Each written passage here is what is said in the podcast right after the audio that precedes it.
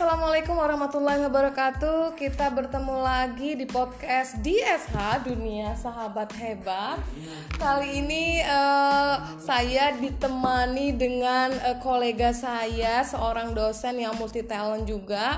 Eh, saya senang eh, bergaul dan berbincang-bincang dengan sesosok ini karena dia punya eh, apa ya, punya pembicaraan yang betul-betul menjadi pembicaraan yang filsafatis. Eh, baik, eh, saya punya dua dua teman kolega. Eh, yang pertama saya akan perkenalkan namanya Mr. Rafiq dan yang kedua ini nanti kita akan berbincang dengan eh, Mrs. Novianti. Jadi kita akan berbicara-bicara seputar kampus, pengalaman eh, beliau-beliau ini ketika menjadi seorang eh, fasilitator eh, dan transformasi eh, ilmu pengetahuan. Baik, saya akan bertanya dulu dengan Mr. Rafiq. Hai Mr. Rafiq, apa kabar? Hai Bu Dwi, apa kabar? Baik, Alhamdulillah. Mr. Rafiq ini udah lama menjadi dosen ya. Eh, beliau punya pengalaman yang seabrek. Eh, saya saya mau tanya nih Mr. Rafiq, gimana sih eh, ceritanya Mr. Rafiq itu bisa tersesat di jalan yang benar menjadi seorang dosen begitu? Gimana Mr. Rafiq? Ya, awalnya saya ini kan dari eh, lembaga pendidikan Islam ya, IAIN Sultan Taha Saifuddin. Di satu waktu Universitas Jambi membutuhkan dosen pendidikan agama Islam.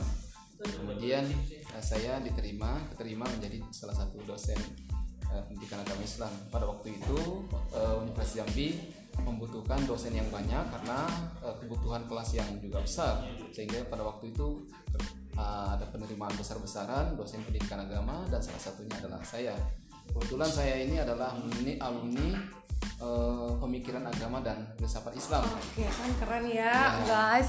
Eh, jadi gini, Mr. Rafiq, ketika Mr. Rafiq kecemplung nih ya di dunia di dunia eh, Fakultas Hukum, gimana sih kesan pertamanya melihat keadaan dan eh, kondisi perkuliahan di eh, universitas yang umum gitu, yang konvensional, yang tidak yang tidak universitas eh, berbasis agama, gimana sih? Mulai apakah dari eh, mahasiswanya atau dari kulturnya gimana? Eh, secara umum sama ya karena mahasiswa ya. Secara umum sama. Tetapi ada beberapa hal yang memang secara prinsip berbeda. Karena memang eh, pengaruh eh, mata kuliah itu juga berbeda. Mereka belajar agama sehingga mereka aturan-aturannya juga berbau agama.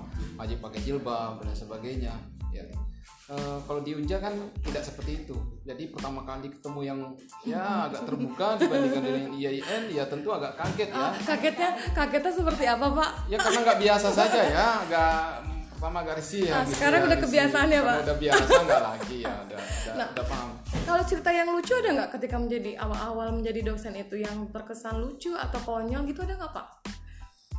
Eh, karena baru pertama jadi dosen ya dan ketemu dengan suasana seperti ini jadi sangat kaku sekali. Kita harus belajar suasananya sehingga kita sering memang tampil sangat apa ya di mata mahasiswa ini memang lucu-lucuin gitu ya. Yang yang yang yang lucu bapaknya apa mahasiswanya? ya? Bagi mahasiswa bapaknya yang lucu ya. Ya, karena mungkin bawaannya kaku harus rapi bersih kadang pakai peci gitu loh. Nah, Oh, jadi apa sih pandangan bapak terhadap eh, dunia pendidikan saat ini? Bagi saya dunia pendidikan eh, di negara kita ya eh, kita mau bilang tertinggal saya juga nggak berani bilang seperti itu ya karena memang konsep pendidikan kita berbeda dengan dunia lain. Kalau kita bandingkan ya eh, dari pencapaian mungkin ya pencapaiannya kalau kita tolak ukur pendidikan itu pencapaiannya. Pencapaian pendidikan kita itu jelas jauh ya. Kalau kita kan memang lebih berat belajar di Indonesia dibanding belajar di luar negeri. Kalau belajar di luar negeri memang fokus. Kalau belajar teknik teknik, hukum ya hukum, nggak ada yang lain-lain. Kalau kita ya. kan oh, belum lagi ada tambahan pendidikan agama, Pancasila, karakter, pembangunan eh, civic education itu membuat mahasiswa berat. Tapi memang resikonya harus begitu kalau jadi orang Indonesia karena kalau tidak seperti itu, ya kita tidak bisa menjadi orang Indonesia yang utuh. Nah, Eh, terakhir nih buat bapak harapan bapak nih eh, kepada mahasiswa-mahasiswa kita di Indonesia itu apa sih harapan terbesarnya? eh, think locally, act globally. Oke. Iya, think locally artinya tetap berpegang teguh terhadap nilai-nilai lokalitas in- keindonesiaan kita kebangsaan kita tetapi tetap profe- memiliki profesionalitas sebagaimana orang-orang luar sana I agree with you. Iya. Oke. Baik kita nanti kita ke eh, berikutnya ke sosok eh, seorang dosen wanita eh, senior saya juga. Beliau bernama yang uniknya beliau suami istri juga dosen dan namanya hanya beda beda beberapa huruf konsonan. Namanya Ibu Novianti. Bu, eh, boleh ya sharing-sharing gitu ya Bu ya? Gimana Bu waktu pertama kali Ibu menjadi dosen? Ibu kan aslinya dari eh, negeri eh, sebelah kami nih, dari Sumatera Barat. Gimana sih pas datang ke Jambi ada nggak perbedaan-perbedaan secara karakter kultur? Eh, jika kita ingat masa lalu Iya. ketika masuk ke Jambi terutama eh, mengikuti SK untuk jadi dosen itu ada beberapa hal yang sangat apa sangat berbeda yang pertama eh, ketika masuk ke instansi Unja ini terutama putus hukum yang pertama itu adalah eh, saya mengalami apa ya nggak tahu lokasi saya harus eh, mengenal Medan terlebih dahulu Kenapa medannya Bu sulit gitu ya? Apa seperti naik gunung atau gimana? Eh, medannya itu bagi saya berada di rimba raya. Oh, karena saya belum pernah datang ke Jambi saya tidak kenal bahasanya juga kurang saya pahami. Terus menurut saya di Jambi itu yang paling susah itu adalah makanannya. Kenapa makanannya? Bu? Kan kayaknya hampir sama tuh sama eh, Minang. eh entahlah kalau perasaan saya kalau di Jambi itu lebih kepada eh, mengarah-arah ke makanan Palembang.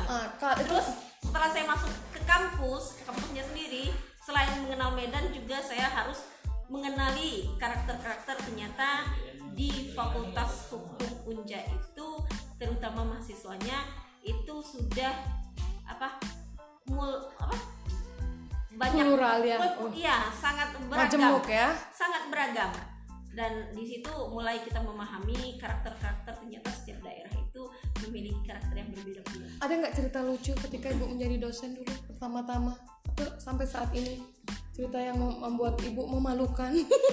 Kalau untuk saya tidak memalukan, tapi saya mengalami hal yang eh, menurut saya itu sangat-sangat apa ya, sangat-sangat bikin saya jengah. Apa itu? Yaitu ketika saya ngajar, itu ada seorang mahasiswi eh, tampilannya sangat-sangat unik. Kalau saya lihat dulu, dia tuh rambutnya warna-warni, boleh dikatakan seperti eh, bulu ayam gitu, hijau, pink, terus dia hobi sekali memakai baju warna yang lembut, sementara Rambutnya dalamannya itu pakai yang sangat terang.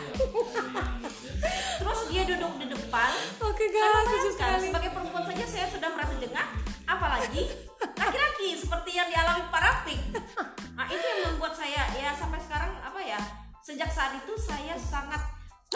terhadap eh, mahasiswi dan mahasiswa saya masalah berpakaian. Oke ya.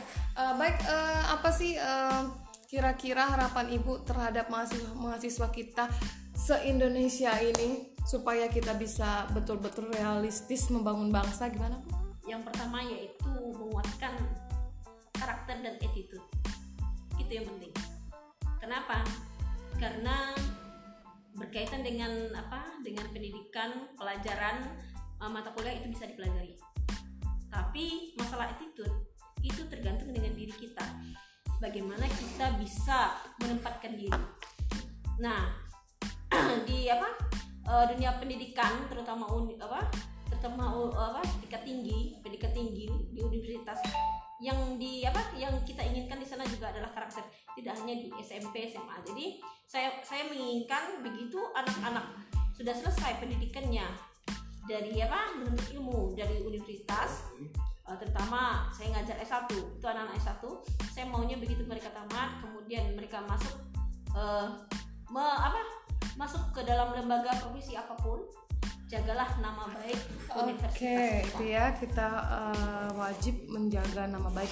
Eh, demikian eh, sahabat dunia sahabat hebat. Eh, kali kali ini kita tadi berjumpa dan berbincang dengan dua orang dosen eh, yang sudah di- eh, kita anggap senior saya.